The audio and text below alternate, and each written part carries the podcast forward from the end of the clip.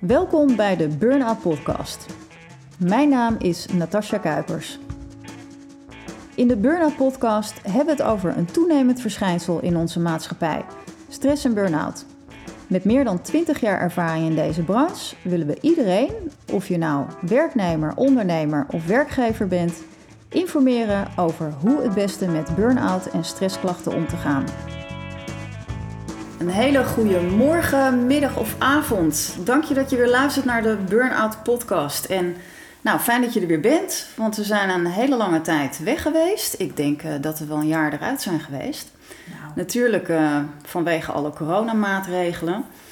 Wel heel fijn om te merken is dat jullie allemaal nog geluisterd hebben naar de afleveringen. En um, ja, er is nog best wel, uh, uh, best wel veel mensen ook die naar de podcast hebben geluisterd. En dat is voor ons een teken om uh, ermee door te gaan. Dus vandaag starten we weer en we trappen af met Esther Braat. Hallo. Zij, hi Esther, fijn dat je er, dat je er weer bent. Ja, fijn om hier te mogen zijn. Leuk, net als. Ja, we gaan weer beginnen, want Esther is vorige keer ook een paar keer geweest.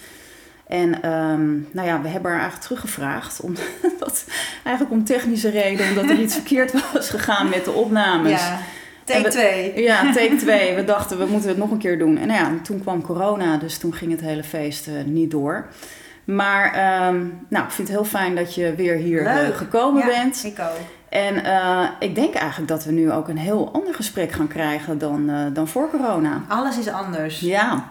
um, nou ja, om dit eventjes... Uh, nou, laten we even beginnen met misschien... Stel je even voor, wat, wat doe je precies in je dagelijks leven? Ja, ik dacht, jij stelt me voor, maar ik stel ja. mezelf wel even voor ja. in het dagelijks leven.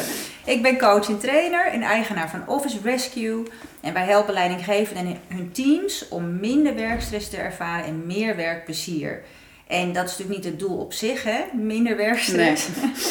maar uiteindelijk dat je met je team en je organisatie de visie uitrolt vanuit ja, plezier en vanuit ja. inspiratie. Dat is wat we doen in de notendop. Dat doen we met coaching en training. En ja, anderhalf jaar geleden, hele agenda leeg. Ja, ja dat um, was wat inderdaad. En uh, alles online gezet. Uh, ja. Niet alles kan online. Maar um, ja, een maand later hadden we twee hele mooie programma's. De, een online training, elke dag een topdag voor iedereen. Ja. En eerste hulp bij werkstress voor leidinggevenden. En daar hebben we het heel goed uh, mee gedaan. En nou, nu fijn. wordt het een beetje een mix. Ja, want nu begint het ja, weer. we mogen weer. Ja. ja, nou hartstikke fijn om te horen dat, ja. toch, uh, dat je je weg hebt gevonden in Zeker. die, uh, in die ja, tijd. daar ben ik ook heel dankbaar voor hoe het gegaan is. En ook nog je werkplezier hebt kunnen houden. Want dat is uit het onderwerp waar we het vandaag over gaan hebben. Mooi. En uh, nou ja, de vorige keer uh, was eigenlijk de aanleiding dat er een onderzoek was uit uh, 2019. Dus dat is nu inmiddels ja. alweer een tijd geleden. En dat was gedaan door trainings- en adviesbureau Performance. Mm -hmm. En hieruit bleek dat 22% van de werkende Nederlanders dagelijks met tegenzin naar zijn werk gaat. En bijna 10% heeft structureel last van stress. Daarbij heb je ook nog dat 62% spant zich op zijn werk niet echt in en haalt ook geen energie uit zijn werk. Nou, het is ja, heel triest voor triest. woorden. Dus het gevoel van geluk wordt er eigenlijk niet uh, beter op, ook nu we met z'n allen gaan thuis of aan het thuiswerken zijn. En uh, ik denk ook dat die cijfers inmiddels uh, heel anders liggen. Ik zag ook uit een recent onderzoek van ZoQ, dat Mhm. is een home office hybride concept in Amsterdam. ja. een mond vol. Een mond vol, ja. inderdaad. Um, dat het voornamelijk gaat ook om contact op de werkvloer dat gemist wordt. En Ja. dat veel werknemers zich door thuiswerken veel minder verbonden voelen met hun collega's. Ja. En hierdoor is eigenlijk ook de loyaliteit naar de werkgever een stuk minder. Nou ja, en natuurlijk zijn werkstress en burn-out ook inmiddels uh, toegenomen. Dus alles heeft Ja. gewoon, het, het, het is enorm geshift. En ik was ook heel benieuwd, heb jij nou gemerkt in de afgelopen tijd dat het werkplezier is afgenomen door zeg maar de corona maatregelen? Is er een verschil? Ja, er is, kijk, dat, dat burn-out en werkstress gerelateerde klachten zouden toenemen, dat was eigenlijk een no-brainer, hè? want dat nam gestaag Dat nam al toe, dat is We waar. hoopten allemaal, hey, er is zoveel aan het veranderen in de wereld. Zou het zo zijn dat eindelijk dat werkplezier voorop Ja. gaat staan? Helaas. Nee. Maar we hebben wel met z'n allen, alle organisaties waar ik ben, maar ook, ik heb natuurlijk alles in de gaten gehouden in Nederland en, en deels, ja, niet alles in de wereld, maar vooral in Nederland. We hebben wel met z'n allen de schouders eronder gezet en geroeid met de riemen die we hadden. Dus opeens kon alles online. Ehm, iedereen zat ook de hele dag online. En op een gegeven moment, na een paar maanden, moet je eigenlijk gaan denken: hé, hey, is dit toekomstbestendig? Gaan we dit nog een jaar volhouden? Nou, dat antwoord is natuurlijk nee. Je kan mensen niet een hele dag acht uur voor een scherm zetten en dan blijven hopen dat ze efficiënt blijven werken. Maar er is wel een interessante shift gekomen. Dus sommige mensen, nee, laten we zeggen ongeveer de helft van de mensen, ehm, kan thuis beter focussen. Dus die heeft geen afleiding thuis. En ehm, dus alle ad hoc onderbrekingen op de werkplek en het gedoe en de hectiek, die dachten, oh fijn, thuis kan ik eindelijk focussen en concentreren. Edoch, na een paar maanden merkte je, en dat, niet alleen ik heb, maar dat zijn ook de cijfers, ehm, dat die mensen te lang achter hun scherm blijven zitten. Dus die denken wel, ha, ik kan eindelijk meters maken. Maar die staan ook bijna niet op. Dus die beginnen gewoon om 8 uur of half negen. En om 5 uur of 6 uur of 7 uur komen die een keer achter hun eh, bureau vandaan. Ehm, en dat is natuurlijk ook te lang. En dat, dan zie je ook dat soms de eenzaamheid erin sluit. Mensen die alleen wonen, die ook zeggen: Ik vermis die verbinding met collega's. Dus dat is een groep waarvan je denkt: hé, hey, die gingen aanvankelijk veel lekkerder werken. Maar ja, werk is natuurlijk niet alleen maar achter een scherm zitten. Dat is niet gezond voor je lijf en leden, maar ook niet voor je, voor je brein. Maar ja, een andere groep mensen, die heeft thuis het juist vol of druk. Die heeft een gezin, of buren die aan het verbouwen zijn, of continu busjes in de straat, of lawaai en herrie. En voor die was het extra pittig vanaf het begin, omdat je ja, niet kunt concentreren op, de, op je werkplek. Wat ik zeg, werkplek, aan de keukentafel, of ergens op de bank of op je bed. Ja. Ja, dus die, nu zit er weer beweging in. Sommige mensen mogen weer naar het werk komen, anderen nog niet. Ehm, en er zal een soort, ja, we noemen het wel eens hybride vorm komen. Deels thuis, deels op het werk. En voor iedereen is dat anders. Is dat verschillend? Ja, Ja. Ik, ik heb ook wel gelezen dat mensen ehm, eigenlijk thuis veel harder werken dan eh, op, op hun, we- op hun Ja. werk of kantoor waar ze dan ook eh, zitten. Omdat ze gewoon bang zijn dat hun baas denkt dat ze er de kantjes ervan aflopen. Ja, dat is dan opeens een vertrouwensprobleem. ja hè, van, precies. Ja, als je dat merkt bij jezelf, goed om naar te kijken. Maar ik heb dat. Kijk, de, de mensen die wij spreken, die wij trainen en coachen, is niet een. ehm, is niet een. hoe de werkel Nederland in elkaar zit. Hè? Want wij krijgen niet de mensen die heerlijk efficiënt en, en Nee, relaxed. nee, nee, en. Dus, Klopt. dus dat beeld kan ik niet één op één plakken Ja. met zo is het. Maar als ik de artikelen lees en de boeken en de cijfers, dan zie ik dat ehm, het, je, de leidinggevende organisaties mogen echt wel vertrouwen dat iemand wil werken. Ja. Er wordt echt wel gewerkt achter die laptop. Het probleem is, ze pauzeren niet. Nee, Dus eh, s ochtends zijn ze nog lekker helder en eh, efficiënt. En dan na een uur of 1, 2, 3 vraag je je op een gegeven moment af... wat gebeurt er nog achter die laptop? Behalve ja, dingen dubbel doen, overdoen, stukken herlezen. De energie zakt in. ja. Dus dat is, ja, dat is mijn ervaring ook. Mensen werken echt heel hard achter die laptop. Ook niet iedereen, maar het gros. Nee, want we hebben Ja. natuurlijk net uit het onderzoek... Ja. 62% spant zich op zijn werk niet echt in. En Ja, haalt er ook geen energie uit. Dus... Maar goed, dat was allemaal pre-corona natuurlijk. Toen waren we nog niet aan het thuiswerken. Ja, en niet inspannen. Ehm, je kan ook prima de hele dag door druk bezig zijn met stukken lezen en redigeren en teksten schrijven. Zonder je voor je gevoel echt in te spannen. Ja. Ik denk die passie is er dan uit. Niemand heeft er wat aan. Want waarom zou je dan acht uur zonder passie net doen alsof je werkt, zeg Ja, maar. ja. En het is natuurlijk een, zit een grijs gebied tussen. Hè? Ja. Maar wat ik lastiger, eh, wat, ik, wat mij zorgen baart, als ik de, eh, de cijfers zie van vorig jaar van het, eh, moet ik zo het goed zeggen, het Nationaal Centrum Preventie voor Stress en Burn-out. Is dat van alle mensen die ehm, regelmatig werkstress ervaren, dat is ongeveer de helft van alle van Werk op Nederland, dat daar 50% geen hulp vraagt. Dus 50% van de mensen die eigenlijk regelmatig te veel werkstress hebben, vraagt geen hulp. Niet aan de leidinggevende, niet aan de familie, niet aan de huisarts. En dan denk ik, wauw, dat, dat is veel. Dat, dat, hoe moet je dat dan merken als leidinggevende? Dat is een mooie volgende vraag. Hè, van, hoe gaat het met die mensen? En een ander cijfer van hun is, van alle mensen die door stressklachten uitgevallen zijn of burn-out, heeft 80% het niet zelf aan ja. voelen komen. Ja, dat is ook een onderzoek inmiddels van de ASR, geloof ik, als ik het goed heb, of Arbo-Unie. Dat mensen het niet aanzien dat ze het, ja, ze zijn bezig met een campagne inderdaad. Dat mensen het niet zien aankomen. En ze proberen mensen bewust te maken van, uh, van stressklachten die naar een burn-out kunnen lopen. En dat is zo'n mooie informatie voor elke leidinggevende of HR of L&D'er. Maar vooral die leidinggevenden, ze komen niet... Ja, sommige mensen komen naar je toe. Ja. Maar de helft vraagt niet eens hulp. Nee. En van alle mensen waarvan jij denkt, hmm, ik hoop niet dat ze omvallen, ze zien het zelf niet aankomen. Ja. Dus ja, die leidinggevende is zo'n belangrijke schakel in die signalen opvangen. Ja, daar hebben we natuurlijk de vorige podcast hebben we daarover gehad. Hè? Waarom je niet naar je leidinggevende of waarom ja, werknemers oh, niet even anderhalf jaar terugdenken. Ja, precies. Waarom uh, de werknemer niet naar de leidinggevende stapt. er zijn een aantal redenen, dus misschien uh, interessant als je dit hoort om dat even op te zoeken. Ja, je hebt zo'n mooie... ingegaan. Als leidinggevende heb je zo'n gunstige positie om daar iets aan te doen. Ja, als leidinggevende heb je ook gewoon anderhalf jaar geleden moeten omschakelen. Oh, dus het zijn ook gewoon mensen. Ja. En die moesten ook opeens voor een scherm. En geef maar eens leiding aan mensen via, via online. Dus ik snap ook dat je, dat je emmertje al vol zit. Maar er is, er is al een consequentie als je die signalen niet gaat opvangen. En dan krijg je het alleen nog maar drukker. Dus nou ja.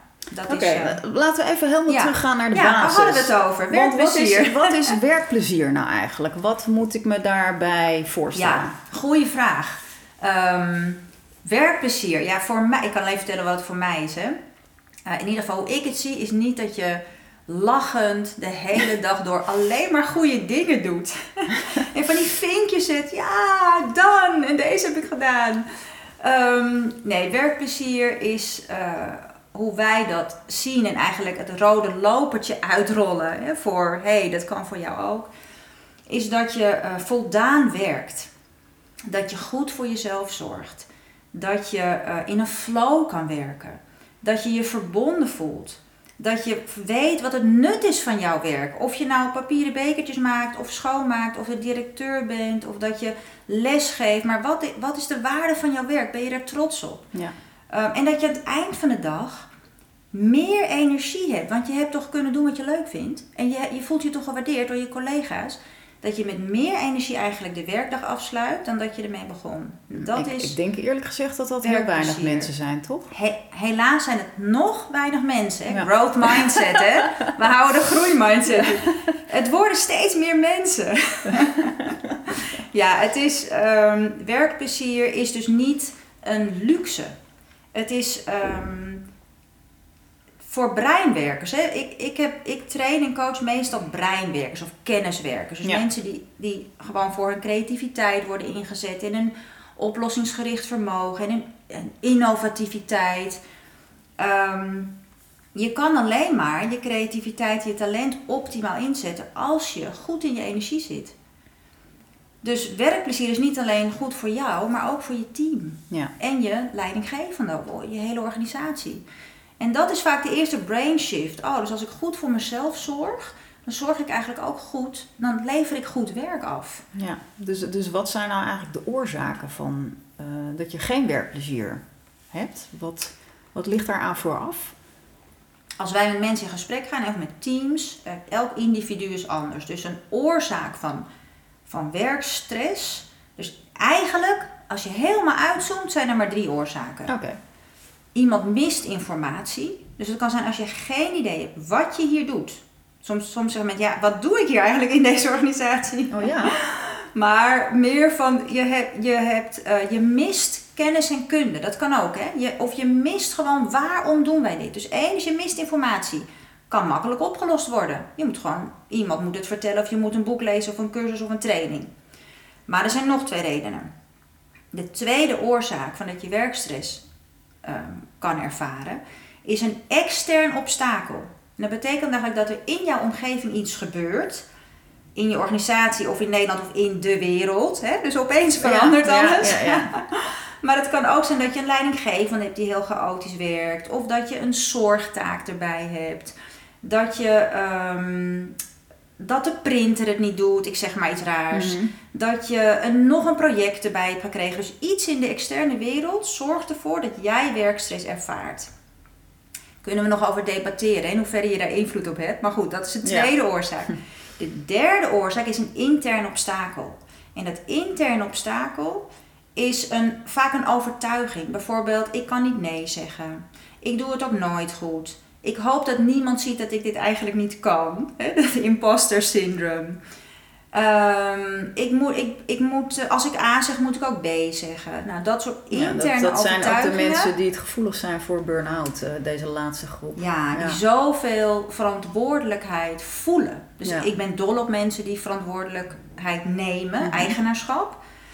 Maar je kan je ook te verantwoordelijk voelen. En dus eigenlijk die drie oorzaken is goed om naar te kijken. Mis ik nou informatie? Is er nou iets buiten me waarvan ik denk, hé, hey, ehm, ja, dit overkomt me. En soms overkomen dingen je. Er zijn gewoon kleine en grote rampen om je heen. Ehm, of is het iets binnenin mij waarvan ik nu nog geloof dat het zo is. En wat me tegenhoudt. Ja. Dus dat is, ehm, dan is er werk aan de winkel om te gaan onderzoeken, hé, hey, wat is dat nou? Ja, en, en misschien heel kort door de bocht, maar als je nou echt geen werkplezier hebt of geen plezier in je werk, waarom zoeken mensen dan geen andere baan? Ja, dat, dat is een. Uh, stel je voor dat alles zo simpel was. Heerlijk. ja. Ik vraag het ook wel eens hoor. waarom blijf je hier eigenlijk nog? Dat is een hele goede vraag om jezelf af te mhm. vragen of de ander. Ja, dat is. Ehm, weggaan is natuurlijk is een goede optie. Dat, alhoewel sommige mensen denken, ja, waar vind ik een andere baan? Dus er is natuurlijk ook nog zo'n realiteit van, ja, je hebt ook gewoon je, je huis te betalen of misschien wel een gezin. Mensen die uh, erop rekenen dat jij een inkomen genereert. Ehm, en je neemt altijd jezelf mee. Dus stel je voor, het is zo'n intern obstakel, hè? En bij elke job die je hebt, kom je hetzelfde tegen. Ja. ja, je kan wel naar een andere baan, maar uh, ja, who is always at the scene of the crime? Dat ben jij. Dus jij bent altijd aanwezig. Dus het is ook niet altijd een oplossing. En um, ik, heel veel mensen zeggen ook tegen mij: ja, maar ik vind mijn collega's zo fijn. Ik blij voor mijn collega's of voor de studenten of voor mijn patiënten. Dus het is ook die verbinding die wij zoeken hè, met, um, met de ander, waardoor mensen blijven bij wat ze kennen. Ja. Maar dan kom, ik, dan kom ik even terug op wat je natuurlijk net zei: van mensen zoeken geen hulp. Ja. 50% zei ja. zoekt geen hulp. Uh, hoe, waarom zoeken ze geen? Je hebt natuurlijk al aangegeven, die werkgever is een belangrijke, de leidinggevende is daar een belangrijke factor in. Zijn er nog meer factoren die ervoor zorgen dat ze geen hulp uh, zoeken? Ja, ik kan wel een. Uh, hè, er zijn heel veel onderzoeken naar gedaan, ook naar het uh, Nederlandse Instituut voor Psychologie. Um, wat ik zelf in de praktijk heel veel tegenkom, is dat mensen zeggen: ja, iedereen heeft het toch druk. Oh ja. Dus wie ben ik dan? Wat ik ook vaak hoor is: ja, in mijn team is er net iemand uitgevallen, want er is iets met zijn of haar dochter, of iemand heeft net een nare diagnose gekregen kom ik aan met dat ik niet zoveel plezier heb in mijn werk. Of eigenlijk s'nachts wakker lig van mijn werk. Dus mensen bagatelliseren snel hun eigen mm. ja, problemen. Dat zit, zit soms ook in iemand, maar ook soms in een hele cultuur of in een werkcultuur. Werkcultuur, precies. En soms op de werkcultuur is het ook, ja, we hebben het nou eenmaal druk. Of iedereen heeft het druk. Of kijk, mijn leidinggevende valt bijna om. Als ik nu ook nog met mijn probleem erbij kom, wordt het nog erger. Dus ja, misschien is je het antwoord wel net als... Ehm, mensen denken toch snel, ach, het valt wel mee, het is nou eenmaal zo, we leven in een drukke wereld. Ja, totdat, totdat je over een riggeltje bent. Of totdat het te ver is en je gewoon denkt, help, het gaat niet meer. Ja, Dus wees dat nou voor. Ja, precies. En dan is een van de dingen ook naar je werkgever of naar je leidinggevende Stap stappen. naar iemand toe. Vraag hulp. Ja. En dat is meteen ook, dan haal ik even dat onderzoek er weer bij. Ehm, dat, daar kwam naar voren dat 65% geen of nauwelijks plezier haalt uit de samenwerking met zijn leidinggevende. 65%, dat is gewoon heel erg veel. En 11% noemt hem of haar zelfs een dictator. Wow. Ehm, en inmiddels is die loyaliteit naar de werkgever natuurlijk nog meer gezakt, ook door de coronamaatregelen. ja? Is dat... eh, Ja, is dat... Ja, Die, die schijnt. Eh, ja, ja, dat, ja, dat Ja. is toch ook minder contact, denk ik. Ehm, dus die leidinggevende speelt eigenlijk een ontzettend belangrijke rol ook in het plezier hebben in je werk. Dus het is wel zeker van belang om, eh, nou ja, hulp te gaan vragen of. Ja, en is jouw, hoor ik uit jouw vraag van... Ja, het is belangrijk om naar je leidinggevende te stappen. Maar Ja. wat nou als je Ja. helemaal geen leuke band hebt met die leidinggevende? precies. Ja, ja. ik zou zeggen, zoek sowieso hulp. Kijk, je hoeft niet meteen...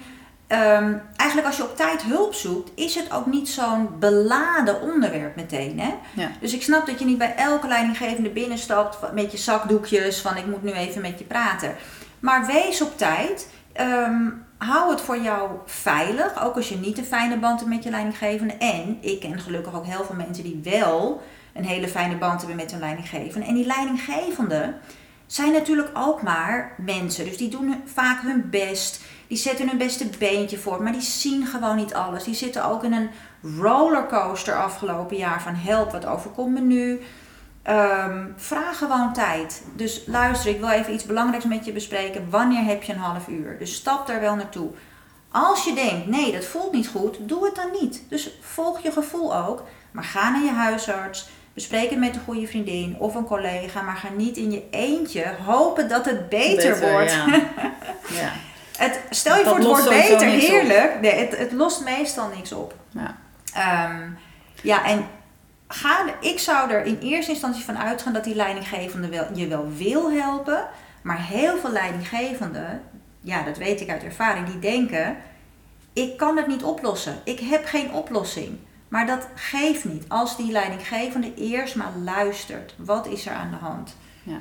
Dat nou ja, en ik vind misschien iets wat ook wel over die drempel haalt om toch je leidinggevende aan te spreken, is dat heel vaak programma's vergoed worden. Ja, ik zie nu Ja. ook gewoon, er is een tendens dat er steeds meer eh, preventieve stressprogramma's eh,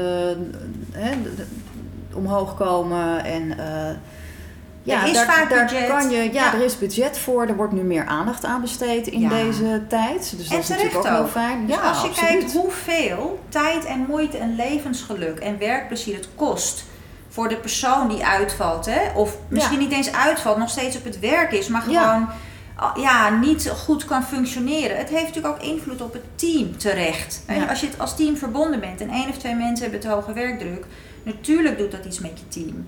Ehm, er is vaak budget, er is ook vaak bewustwording van jongens, wat moeten we doen?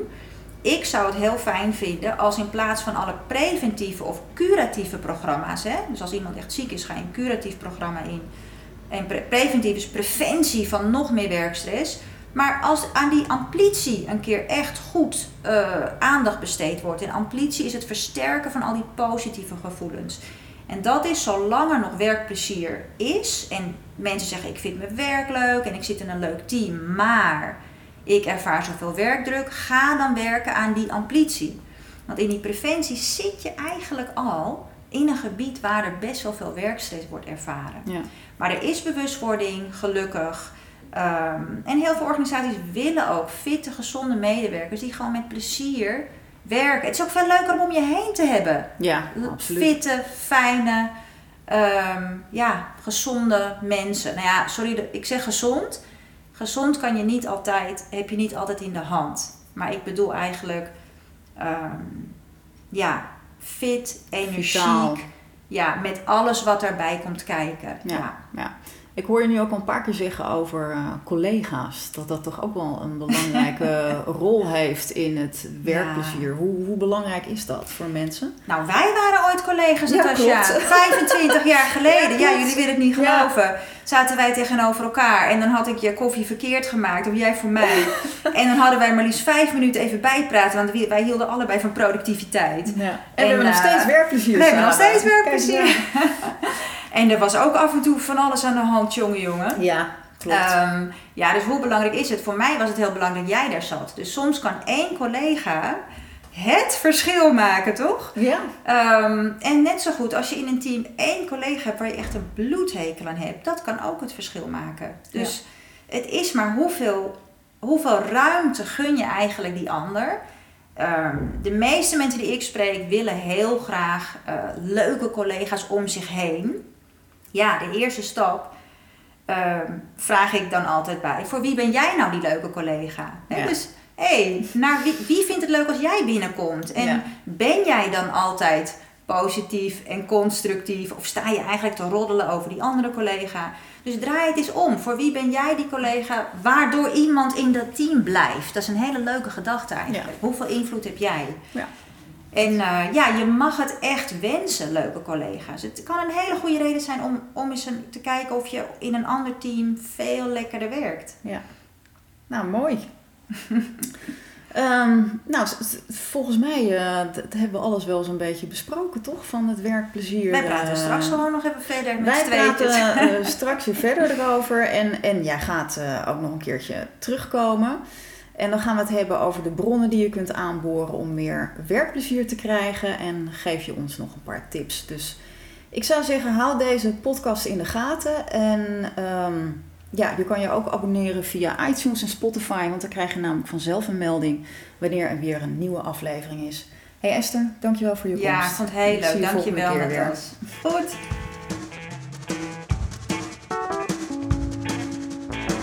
Dank je voor het luisteren naar de Burnout Podcast. Wil je meer lezen over stress en burn-out? Kijk dan op onze website www.bovit.nl. Hier vind je blogs, nieuws en ervaringen van mensen die een burn-out hebben gehad en zijn hersteld. Heb jij genoten van deze aflevering? We zouden het heel erg waarderen als je onze podcast aan anderen aanraadt en of een review geeft. Tot de volgende Burnout Podcast.